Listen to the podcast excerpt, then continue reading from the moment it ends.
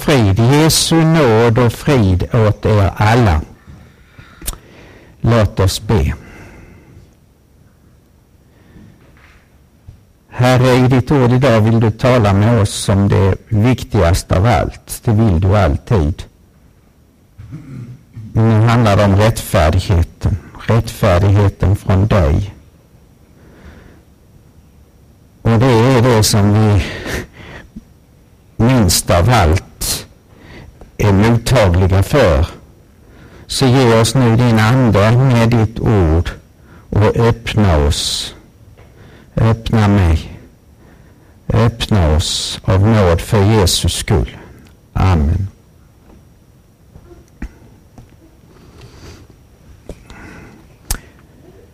Ja, den här söndagen har bytt överskrift lite då och då. Den hette När vi äldre var unga, då hette den Sen kom en ny evangeliebok och då hade det blivit ett nytt fokus. Samma texter, men äkta och falsk fromhet. Det var en mycket olycklig förskjutning. Nu ska man liksom fixera på, på fromheten. Och då börjar man fundera, är jag äkta min fromhet eller är jag falsk i mitt fromhet? Det är säkert bäst att inte vara from alls för det är farligt. Eh, och sen nu har det blivit ännu ett byte. Nu heter det alltså tro och liv. Och tanken är väl där att det ska vara ett, att eh, eh, du ska vara likadan i tron som i livet. Och så blandar man ihop tron och livet och tänker inte på att i tron, där gäller läran och där gäller sanningen. I livet gäller kärleken, men man ska inte blanda ihop det här. Eh, så att man säger, nu ska vi vara kärleksfulla, så nu, nu, nu ska vi inte eh, eh, tala klarspråk här riktigt, utan vi får vara diplomatiska och fina i kanten. Och så blandar man ihop vad som ska gälla på det ena och det andra området. I livet ska verkligen kärleken gälla och det ska vara äkta och sant, så det är bra. Men jag vill att vi fokuserar på detta med rättfärdighet. Sann och falsk rättfärdighet, för det är det som bibeltexterna, de nio bibeltexterna handlar om. Och i synnerhet Amos-texten som är den gammaltestamentliga läsningen idag.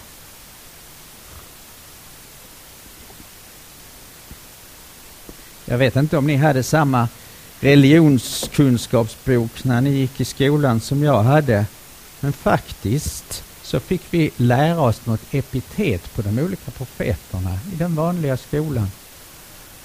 Norrlyckeskolan i Ödåkra, där fick jag lära mig att Jesaja, det är trons profet och Hosea, det är kärlekens profeter. Vad tror ni då att Amos var för någonting? Rättfärdighetens profet. Tänk, det fick man lära sig i en vanlig skola. Det kanske man får nu också, jag vet inte. Men Amos som vi ska stanna vid är alltså rättfärdighetens profet enligt mångas tankar. Och det, det ligger mycket i det. Och så är det det här ordet rättfärdighet som vi inte kommer undan, som vi inte kan byta ut mot någonting enklare svenskt nutidsord utan vi måste försöka tränga in i det istället för att modernisera det. Men eh, en liten hjälp på traven kan vi vara att tänka på vad vi använder för uttryck i, i dagligt tal. Eh, ibland säger man ju eh, att någon är schysst eller att någon är oschysst och det har med justice att göra. Det har med rätt och rättvis och, och rättfärdig att göra, ja. Men där är ju mer i det här med rättfärdig. Det handlar om att vara fin, fin inför Gud, strålande, fläckfri också. Så om vi lite grann funderar på schyssta inför människor och fina inför Gud. Men vi, det är bäst att vi, vi eh, läser dagens gammaltestamentliga läsning, men jag vill börja några verser tidigare för att vi ska förstå att det handlar om domens dag, det handlar om Herrens dag som är själva omgivningen av detta. Det kommer inte fram när vi bara rycker det ur sitt sammanhang. Det här är första gången i den bibliska historien som uttrycket Herrens dag dyker upp. Det har inte använts i den bibliska historien tidigare. Och det var tydligen ett uttryck som man på Amos tid år på 700 f.Kr talet började använda i sitt dagliga tal. Och med Herrens dag verkar det som man menade det kommer en fantastisk dag, Herrens dag, då han ska slå ner alla våra fiender. Då han ska låta vårt Israel stå fram som den stora segraren. Det ska bli en jättebra dag för oss. Så man pratade om Herrens dag som en jättebra dag. Och det är detta som Amos går emot. Tro inte så. Det är inte alls så. Herrens dag är helt annorlunda än vad ni tänker er. Okej, okay, jag läser från Amos 5 från vers 18. Ve dem som längtar efter Herrens dag. Varför längtar ni efter den? Herrens dag är mörker och inte ljus. Det blir som när någon flyr för ett lejon men möter en björn. Hjälp! Och som när han kommer hem stöder handen mot väggen och blir biten av en orm. Aj! Ja, Herrens dag är mörker och inte ljus, tjockt mörker utan en strimma av ljus. Och så kommer dagens läsning. Jag hatar era fester, jag föraktar dem. Jag tål inte era högtider. Ty om ni än offrar åt mig både brännoffer och matoffer finner jag ingen glädje i dem. Era gemenskapsoffer av gödda kalvar vill jag inte se. Ta bort ifrån mig dina sångers buller. Ditt stränga spel vill jag inte höra. Låt rätten flöda fram som vatten och rättfärdigheten som en ständigt rinnande ström. Men du, Herre, förbarma dig över oss och skriv in ditt ord i vårt minne och i vårt hjärta. Amen.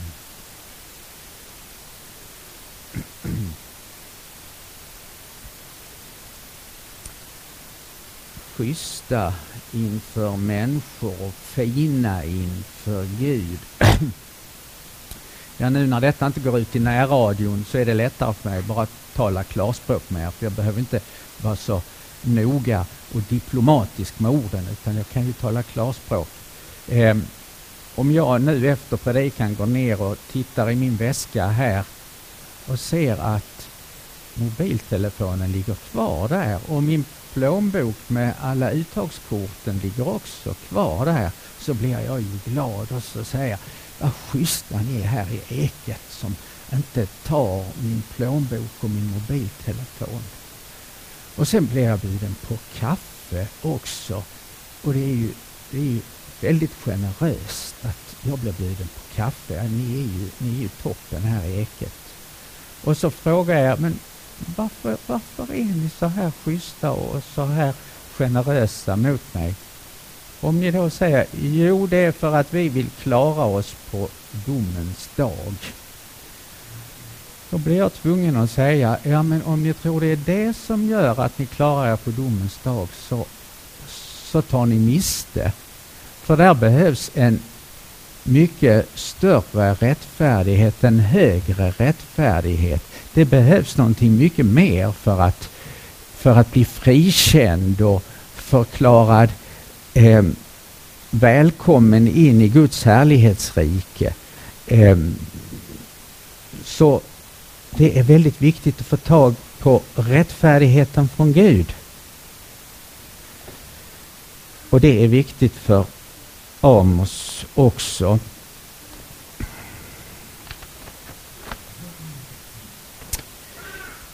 Det är så många trådar här i det vi hörde så jag vet inte hur vi ska få ihop det på en halvtimme.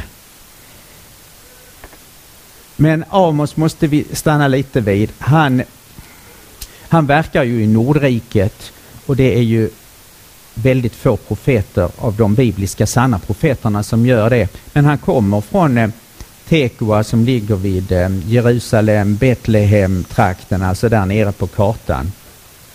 Men så hade det ju blivit två rike av Guds folk. Nordriket med de tio stammarna som Israel och så Judarike med Juda och Benjamin där nere.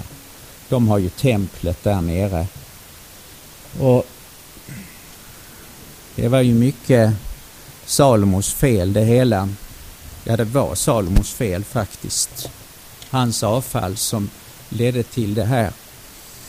Salomo han hade en son som hette Rehabiam. Han skulle bli kung efter honom.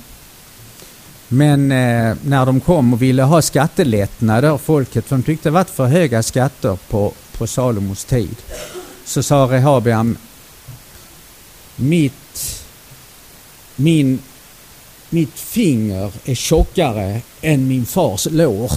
Med det vill han säga, jag är en ännu mäktigare härskare än min far.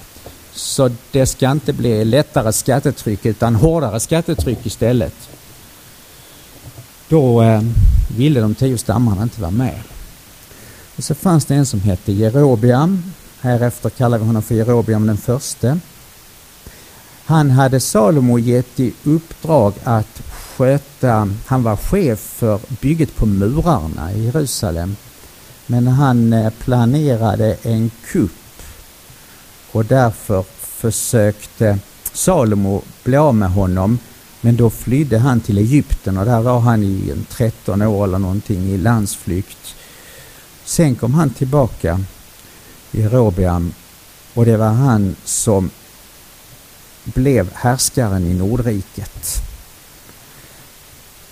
Jerobiam den förste. Och han såg det Eh, mitt folk här uppe i norr, de fortsätter att gå ner till de stora högtiderna i Jerusalem och är med i templet där. Och det är illa för då får de en propaganda som kan vara mot mig och det är inte bra eh, att de är välkomna där nere för det första och jag vill att de ska stanna kvar här uppe så att jag kan ge dem den lämpliga informationen. Så då bestämde han att de ska inte behöva gå ner till templet där utan vi ska ha två tempel här uppe i norr. Och centrum ska vara en guldkalv på båda ställena. Så satte han upp en guldkalv i Dan och en guldkalv i Betel och sa Här är Herren din Gud som har fört dig upp ur Egyptens land. Han gjorde precis likadant som Aron gjorde där i öknen när han uppförde guldkalven. Det som ledde till så mycket att tusentals fick sätta livet till.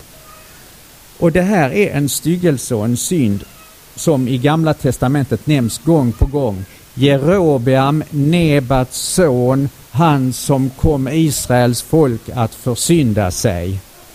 För nu gick de inte längre ner till Jerusalem utan då var det ett offrande och ett gudstjänstfirande i Dan och Betel kring de här guldkalvorna.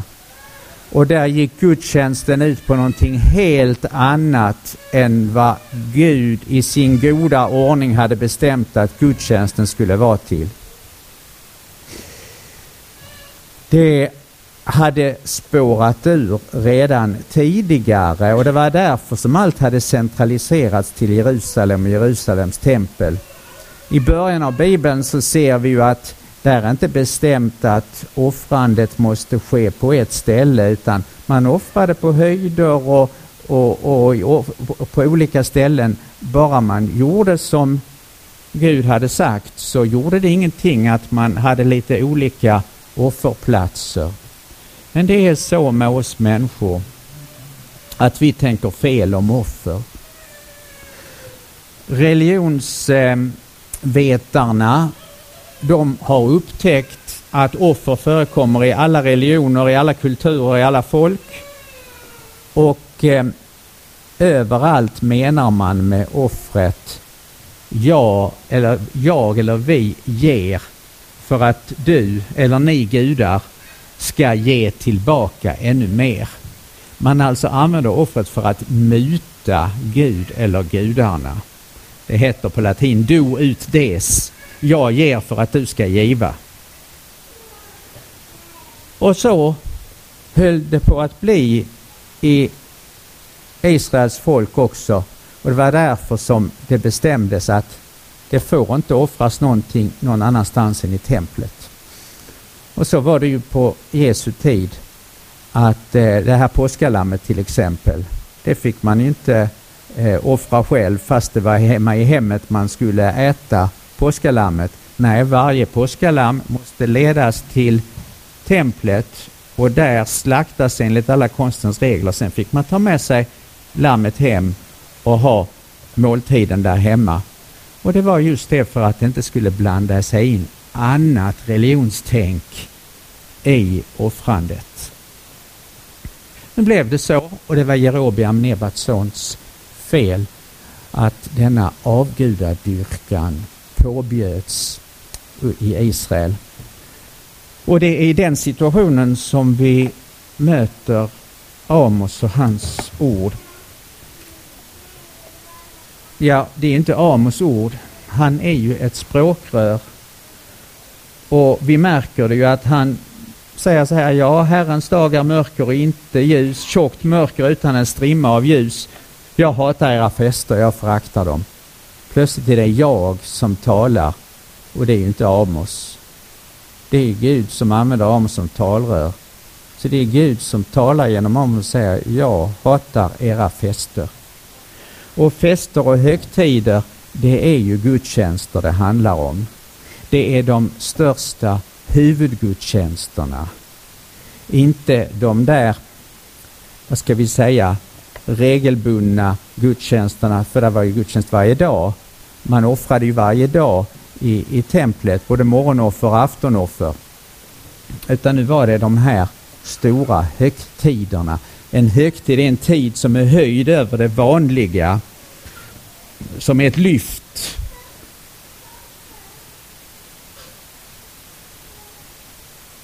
Och det var en väldigt otacksam uppgift som Amos hade, han som kom ner från Tekoa, att han skulle ge sig upp där uppe där han inte var hemma. Och så ska han egentligen bara tala domsord överallt. Och läser man, det är rätt lätt att läsa igenom Amos korta bok. Han börjar ju med att tala om hur Guds vrede kommer farande till det folket där borta, det folket där borta, det folket där borta. Sen närmar det sig och sen är det ett V över Israels folk. Men han stoppar inte där utan sen är det V över juda folk också, över Jerusalem. Så eh, han hade ju en väldigt otacksam uppgift för alla hade ju anledning att bli arga på honom. Och det blev också den Jerobiam som nu var kung i Nordriket. För nu hade det kommit efter Jerobiam den första, han hade en lång regeringstid. Nu kom det tolv kungar till. Och så är det Jerobiam den andra som är kung på Amos tid. Det är förresten han som är kung också under Jona tid. Jona är också en Nordrikes profet. Men han fick ju sticka iväg till Nineve och förkunna.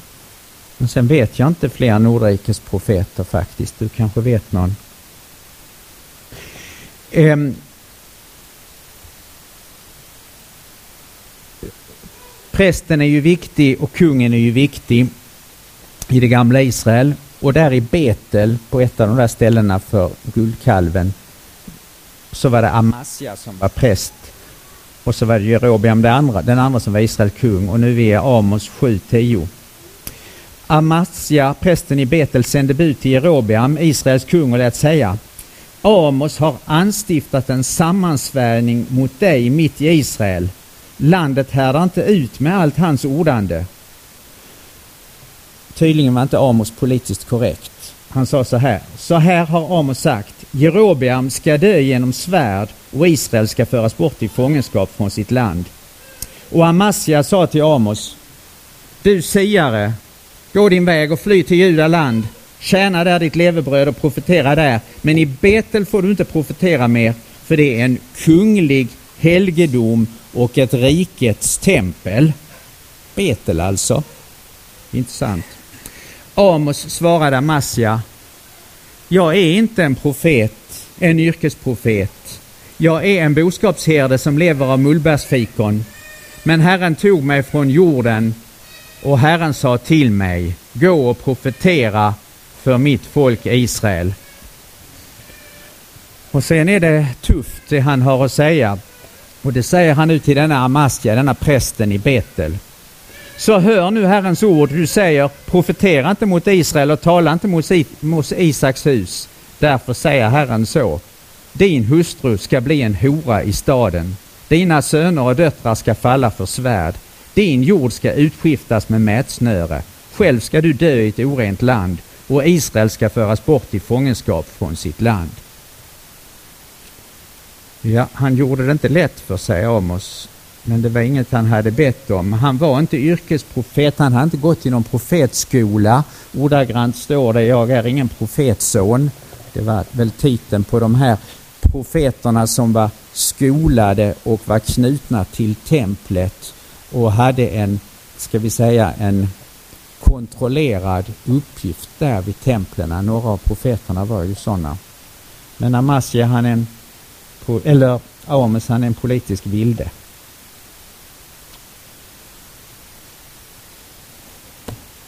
Då har vi sett att det handlar om fester och det handlar om högtider. Det handlar om gudstjänster. Och då, för att inte det här ska bli rörigt så har jag ett ämne på detta och det är det som ska knyt, som alltihopa ska knytas samman till. Vad det har med dig och mig att göra. Jo, se till att du på söndagarna firar gudstjänst enligt Guds goda ordning för där flödar rättfärdigheten fram som en ständigt rinnande ström.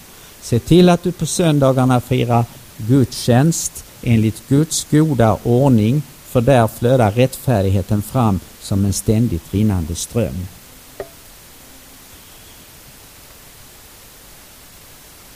Så som man firar gudstjänst så tror man. Det är någonting som de kristna har upptäckt under 2000 år. Jag har visat er den här boken för som heter De kristna som är en väldigt lättläst och, och, och, fin bok med väldigt många bra illustrationer och kartor och register över hur de kristna har trott och levt och firat gudstjänst i, i 2000 år.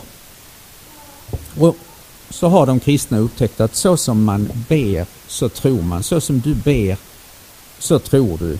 Och så som man tillsammans ber, det säger vad och hur och vem man tror på. Och så som man firar gudstjänst så tror man.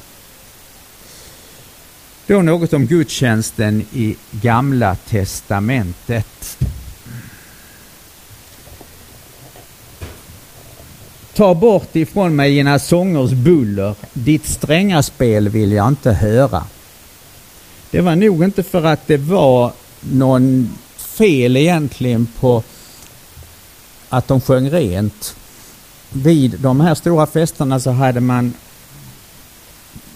två stora manskörer och de sjöng i stämmor och de sjöng växelvis mot varandra.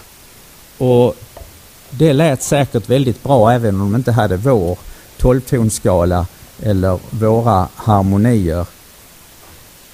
Så det var nog inte därför utan det var något i varför de sjöng och med vilken inriktning de sjöng som gjorde att Herren tyckte att det var sångers buller i hans öron. Ditt stränga spel vill jag inte höra.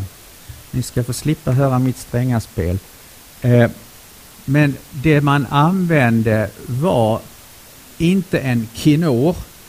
En kinor är en liten harpa och den är mest lik om man skulle vika upp halsen här så och så låta strängarna gå ner så och så skulle man göra den här lådan inte vågig utan som en rak avlång låda.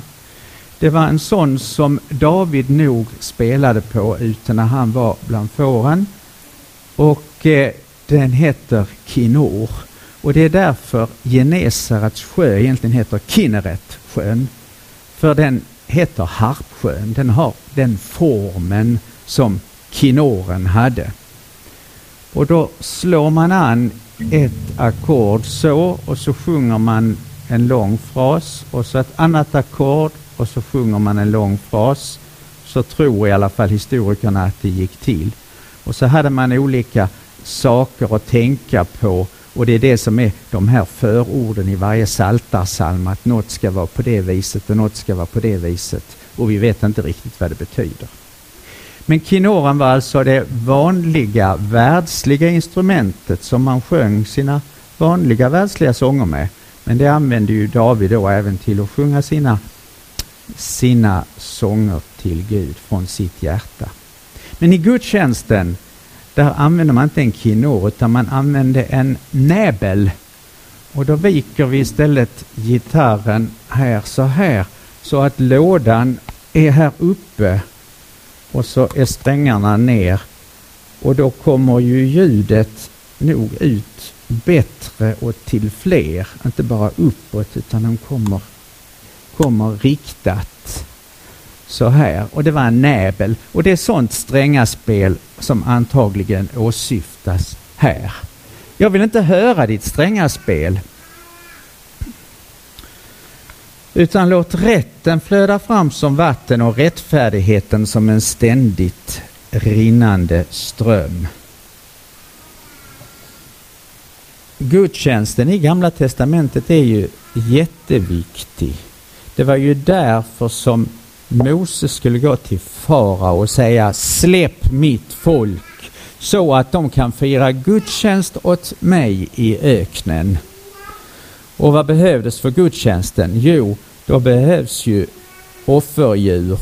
Och det var därför som farao först sa, ja ni får, eller han sa efter flera plågor, okej okay, ni får gå ut i öknen, men eh, ni får lämna kvar boskapen här i Egypten. Nej, inte en klöv ska lämnas kvar, sa Mose, för vi vet inte vilka offerdjur det är som Herren vill att vi ska använda när vi firar gudstjänst där ute i öknen. Därför måste alla i vårt folk med och alla våra djur måste med. Och till slut så var ju farao efter den tionde plågan tvungen att gå med på detta. Även om han ångrade sig sen igen. För Guds folk är det alltså livsviktigt att fira gudstjänst och det är inte för att göra Gud nöjd utan gudstjänst behöver man fira för att få upp ögonen för Guds väldiga gärningar. Att han har befriat oss ur Egyptens våld med stark hand och utsträckt arm.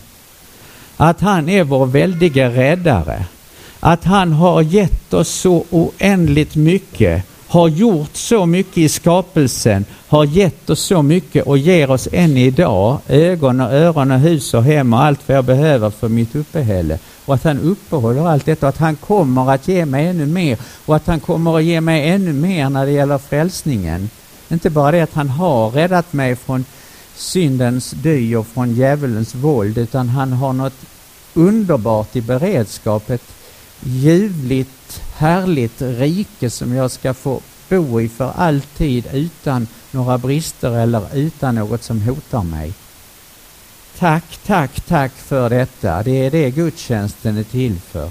För att vi tillsammans ska tacka för allt vad vi har fått och får och kommer att få. Tack för dina väldiga gärningar, allt du gjort för oss, gör för oss, har gett och ska ge oss. Så är det i Gamla Testamentet och så är det i Nya Testamentet. Och där är ju tacksägelseämnet detsamma som i Uppenbarelseboken. Tack för Lammet. Lammet är värdigt att få all tack och lov. Amen. Lovet och priset och tacksägelsen tillhör vår Gud och Lammet. Han som har köpt människor åt Gud med sitt blod. Och det är ju Jesus som på korset har lidit och dött. I inte bara alla människors ställe utan i ditt ställe för dig. Och det är det stora centrala i gudstjänsten. Att få syn på, att ta emot, att tacka för.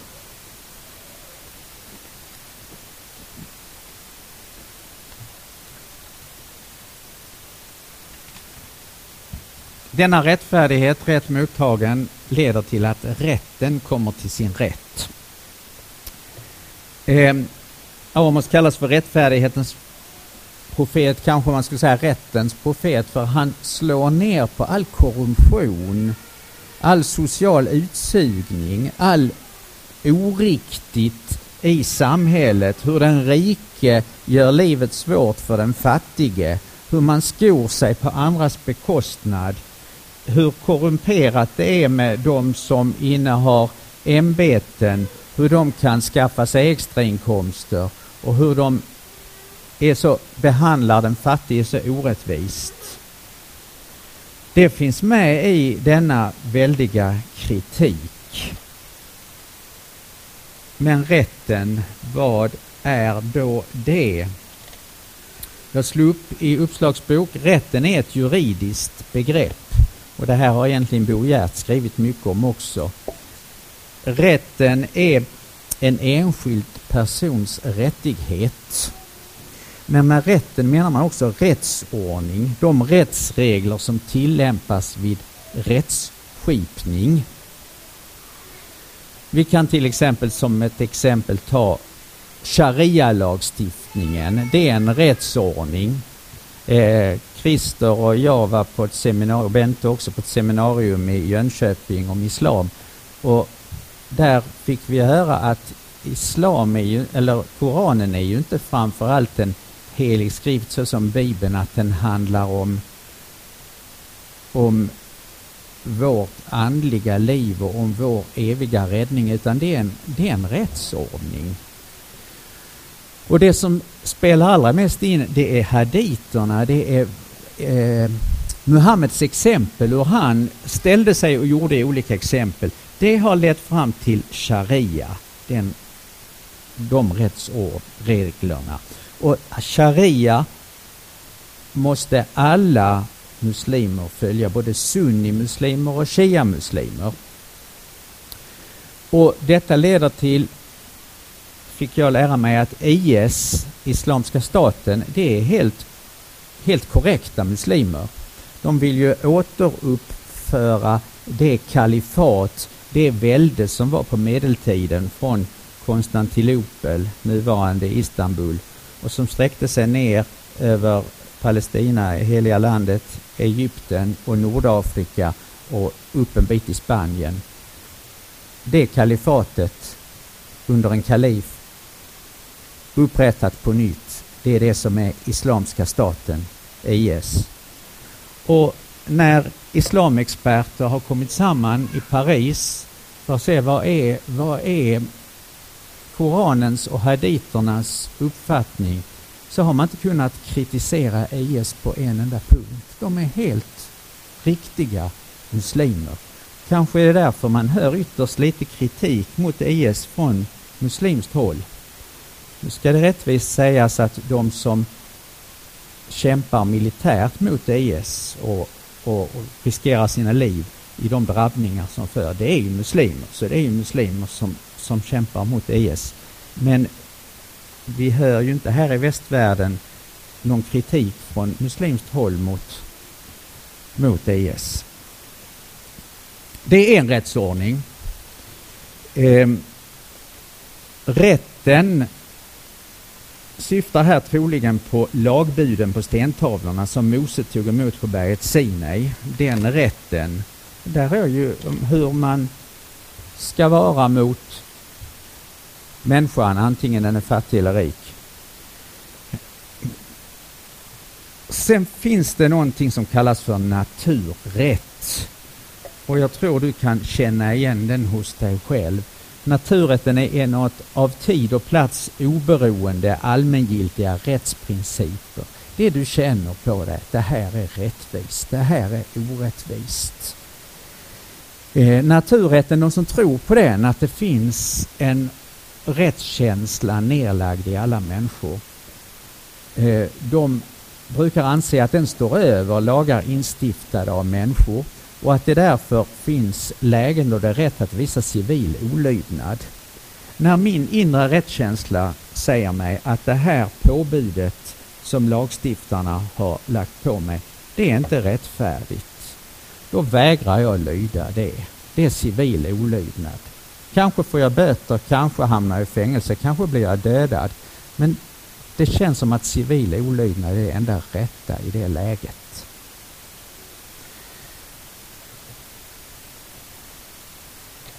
Och det är ju sånt som kan vara, natur, äh, vara befogat om man tycker att det finns något beteende som är onaturligt Och då säger man det att jag, jag måste ju ändå få säga att det som nu är lagstiftat om att det är helt okej okay och det ska, det ska eh, samhället stå för och, och, och ställa upp på.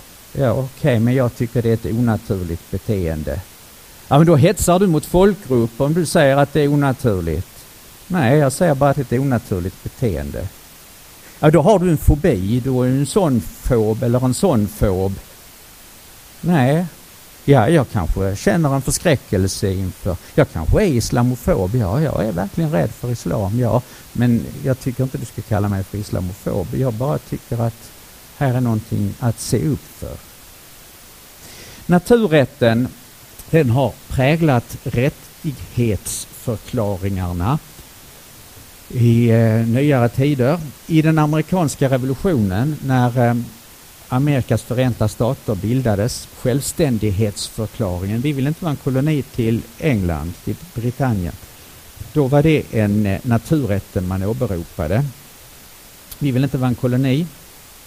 Vid franska revolutionen 1789 så åberopade man naturrätten. Rousseau var ju en av eh, han var ju den viktigaste ingenjören bakom eh, franska revolutionen. Han skrev ju tillbaka till naturen, att det var där vi skulle hitta det genuina. FNs deklaration om de mänskliga rättigheterna, den bygger på naturrätten.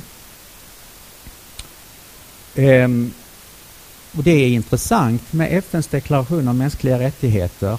Den borde vi titta närmare på för den har blivit, den sitter trångt till nu i den här trånga svenska åsiktskorridoren vad som är politiskt korrekt i Sverige. För enligt FNs deklaration om mänskliga rättigheterna så har föräldrar rätt att eh, styra över vilken religiös fostran som deras barn ska ha och har rätt att sätta dem i en konfessionell skola och att det får lov att finnas skolor med konfessionella inslag, alltså med bekännelseinslag. Eh, det, är, det är en mänsklig rättighet. Däremot står det ingenting i FNs deklaration om mänskliga rättigheter att det är en mänsklig rättighet att göra abort. Det, tänk mig, men det måste ju vara varje människas rätt att få göra abort. Det är ju eh, man har ju rätten till sin egen kropp och så vidare. Men det är ingenting som står i, i, i FN-deklarationen. Och fri sex, jag måste väl få ha sex med vem jag vill, var jag vill och när jag vill och när jag känner för det. Bara den är med på noterna, den andra. Ja, men inte enligt FNs deklaration om de mänskliga rättigheterna. Och därför kan det vara bra att känna till dem. För du behöver inte känna dig så onormal som det är lätt att man gör i regnbågstider och i pridefestivaler att du behöver inte hålla någon sorts god min i elakspel utan du kan få lov att hålla fast vid vad du tycker är naturligt och onaturligt. Svea rikes lag känner faktiskt inte till naturrätten. Jag har pratat med jurister och de som har läst juridik och säger att visst, vi får lära oss historiskt att det finns något som man har kallat för naturrätten men i Sverige tror vi inte på att det finns någon naturrätt utan lagen det är en överenskommelse och den kan skifta. Det är vad vi har kommit överens om med politiska beslut att eh, det är så som lagarna ska vara. Så man erkänner inte naturrätten i, i Sverige. Sveriges lag har fyra balkar. Äktenskapsbalken är en och balkarna tar mycket längre tid att ändra. Det måste vara ett val emellan och och, och, och, det är bestämmelser om det. Därför tog det ju lite tid med äktenskapsbalkens ändrande som var den senaste som ändrades. Så det var ju kyrkan som fick gå före där och hjälpa till så att det gick att ändra äktenskapsbalken. Portalparagrafen i Svea rikes lag lyder så här, alltså den första och viktigaste, själva porten man går in i lagsamlingen. All offentlig makt utgår från folket all offentlig makt utgår från folket. Alltså, ja, det är vad folket har bestämt sig för med politiska beslut. Det finns ännu äldre lagar. Innan Sverige fanns, då fanns det landskapslagar. Västgötalagen är den allra äldsta. För i Västergötland har vi ju väldigt tidiga eh, början till, till statsbildning.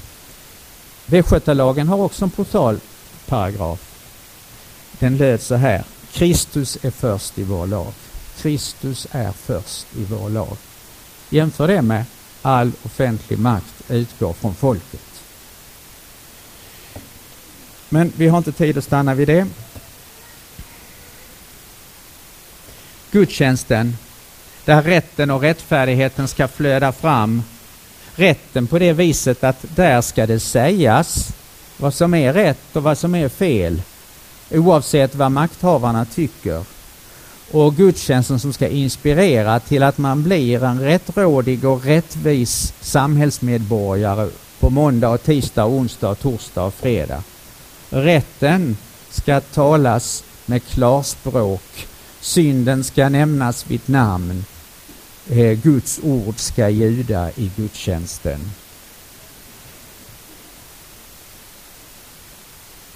Guds ord ska förkunnas rent och klart. Det betyder att det ska delas rätt. I lag och evangelium har man i den evangelisk-lutherska kristenheten upptäckt. Det finns en tung börda. När den tunga bördan läggs på dig, för den är ju faktiskt ditt ansvar att älska Gud av all hjärta och älska din nästa som dig själv. När den bördan läggs på dig, den tunga bördan, då är det lag, det är lagförkunnelse. Och den ska ljuda.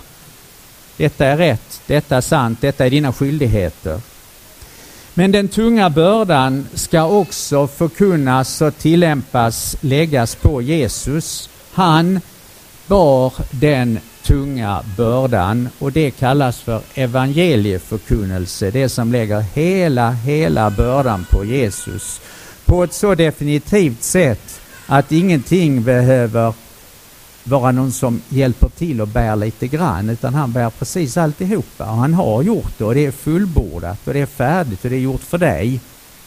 Det ska också förkunnas. Det leder till rättfärdigheten. Det leder till att det flödar fram rättfärdighet som sen får sina avtryck på måndag, och tisdag, onsdag, torsdag, fredag och lördag. Att du villigt och glatt ställer upp för andra och inte ser till din egen bekvämlighet utan du har fått så oändligt mycket och därför vill du gärna göra ett litet handtag här, ett litet handtag där. Om du får den stora nåden att kunna hjälpa till med någonting, att gå något litet ärende åt Jesus, han som har gjort allt för dig. För att detta... Nej, nu får vi sjunga en sång. Vi sjunger eh, den nya sången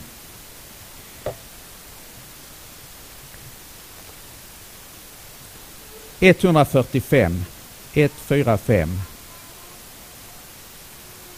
Bjudna i Moseböckerna. Så det var inte det som var felet, men det var inte enligt Guds goda ordning. Det var inte leviter som skötte det, utan Jerobeam hade tagit vem som helst och gjort till präst och hade inte de, den rätta stammen lever till detta. Brännoffer, det har med eh, synd och skuld att göra. Det ska eldas upp i sin helhet så att röken går upp till Gud. Och det har ni hört mycket om. Matoffer talar man inte så ofta om. Det är ett tackoffer till Gud där man bakar ett gott bröd åt Gud och lägger fram på altaret och man häller över olivolja, finaste sorten och man häller vin av finaste sorten också över det. Ett mat och dryckoffer åt Gud. Eh, det ska inte någon människa äta av utan det är som ett tack för hans väldiga gärningar, befrielsegärningar och löften.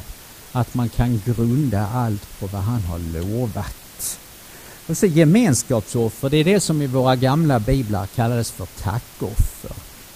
Det kanske har förvirrat dig när du läser om gemenskapsoffer. Det är samma som tackoffer. Men det var sådana offer som en del av djuret skulle prästerna ha, en del kanske skulle eh, hällas ut blod eller stänkas med, men sen fick man huvud delen av köttet fick man själv behålla och i familjen sitta på högtidsplatsen och ha en picknick, en helig picknick inför Guds ansikte.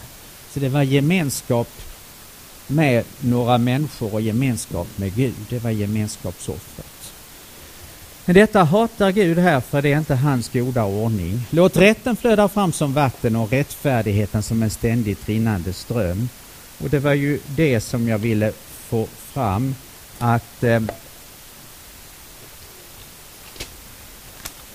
att se till att du firar gudstjänst på söndagarna enligt Guds goda ordning eh, så att en flödande rättfärdighet som en ständigt rinnande ström kommer till dig.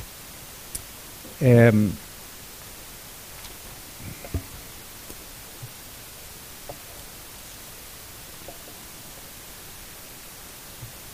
I evangelisk-luthersk kristendom så leds gudstjänsten av en ämbetsbärare som kallas evangelieförkunnare och sakramentsförvaltare för att rättfärdigheten ska kunna flöda fram som en ständigt rinnande ström så ska här finnas en kontroll och en tillsyn över att det verkligen är så det är så det inte spårar ur. Så att det inte blir som i Dan och Betel. Det handlar om din syndabärare Jesus. Du har rätt att få höra om din syndabärare Jesus, att han har burit din börda. Och det har du rätt att få höra varje söndag. Och så att du får stimulansen och uppmaningen att verkligen använda honom som din syndabärare så det inte blir bara någonting som du hör och jaha, och det låter ju bra. Men sen ska du använda honom som din syndabärare så att du i dina böner låter honom vara din store frälsare för dina stora synder. Eh, det här rättfärdighetsflytet som flyter fram i den riktiga gudstjänsten enligt Guds goda ordning, den märker du i avlösningen när du efter syndabekännelsen får höra att på på Jesu befallning så tillsäges du dina synders förlåtelse. Här kommer den här rättfärdighetsströmmen som sköljer fram till dig. Och när du går fram till nattvardsbordet så i själva kommunionen så säger ju sakramentsförvaltaren till dig för dig utgiven och om blodet, vinet, för dig utgjutet det var ju utgjutet blod som gudstjänsten handlade om i hela gamla testamentet. Så många offer, så väldiga blodmassor så att det rann i en ränna ut i Kidrondalen hela tiden som offerhögtiden pågick. Kristi blod för dig utgjutet. När någon firar gudstjänst, ber offentligt, sjunger offentligt, så är det viktigt att veta varför gör du det? Och därför så är det viktigt att du får frågan, vad är din grund till att du tror att du kan vara glad inför, inför Guds ansikte nu? Och om du säger jo, jag är så glad för jag har gett mig så helhjärtat åt Gud och jag vill tjäna honom med hela mitt hjärta och, och, och jag har låtit honom få mig helt och hållet. Ja, då är inte det någon grund att hålla på.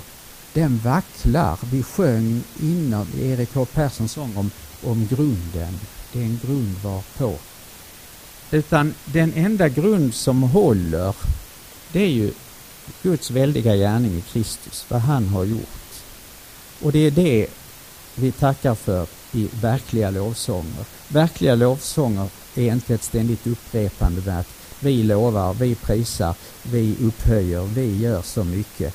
Utan vi tackar för det givna. Annars blir det ju det här religiösa offrandet. Vi ger för att du ska ge. Nej, vi tackar för att du har givit. Och det är precis, det är två helt skilda världar. Det är två helt sorters människor. Och det är, det är skillnad som på höger och vänster inför domens dag. Det är som skillnaden på getter och får.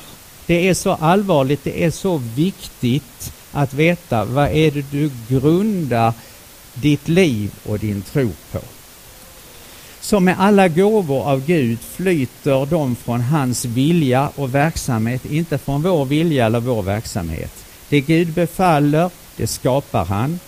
Och det han kräver, det ger han. Han kräver perfekt rättfärdighet för att få vara hans barn. Och han ger oss fritt den statusen i sitt evangelium. Gud befaller tillit till detta löfte och sen skapar han denna tillit genom sitt frälsande ord. Alltså allt sammans kommer från Gud. Jag ska sluta nu. Men om du blir 70 år, har det varit söndag 10 år av ditt liv? Är det rätt? Om du blir 70 år har det varit söndag 10 år av ditt liv. Hur du har tillbringat söndagarna kan bli avgörande för hur du kommer att tillbringa evigheten. Ofta behövs det mycket gudstjänstfirande evangeliskt gudstjänstfirande innan poletten liksom trillar ner och hamnar rätt. Vi är så felprogrammerade, sådana som vi är oss själva, att vi har glömt vad som är verklig rättfärdighet. Och vi glömmer det gång på gång. Felpräglingen i oss är så stark att den gång på gång behöver övervinnas av nåden i Kristus. Du behöver gång på gång mötas av budskapet om den ställföreträdande tillfyllestgöraren. Alltså den som har gått i ditt ställe och gjort precis allt vad som behövs för dig, din Jesus. Så att Guds tillräknade rättfärdiggörelse blir din egendom. Du äger den i Kristus. Se till att du på söndagarna firar gudstjänst enligt Guds goda ordning, för där flödar rättfärdigheten fram som en ständigt rinnande ström. Där har du en ständigt pågående förlåtelse för dina vardagssynder. Detta gör dig inte nonchalant med ditt vardagsliv, med din livsföring, utan ger dig kraft och det är den enda kraften till ett förändrat beteende och ett helgat liv. Amen i Jesu underbara namn. Sången i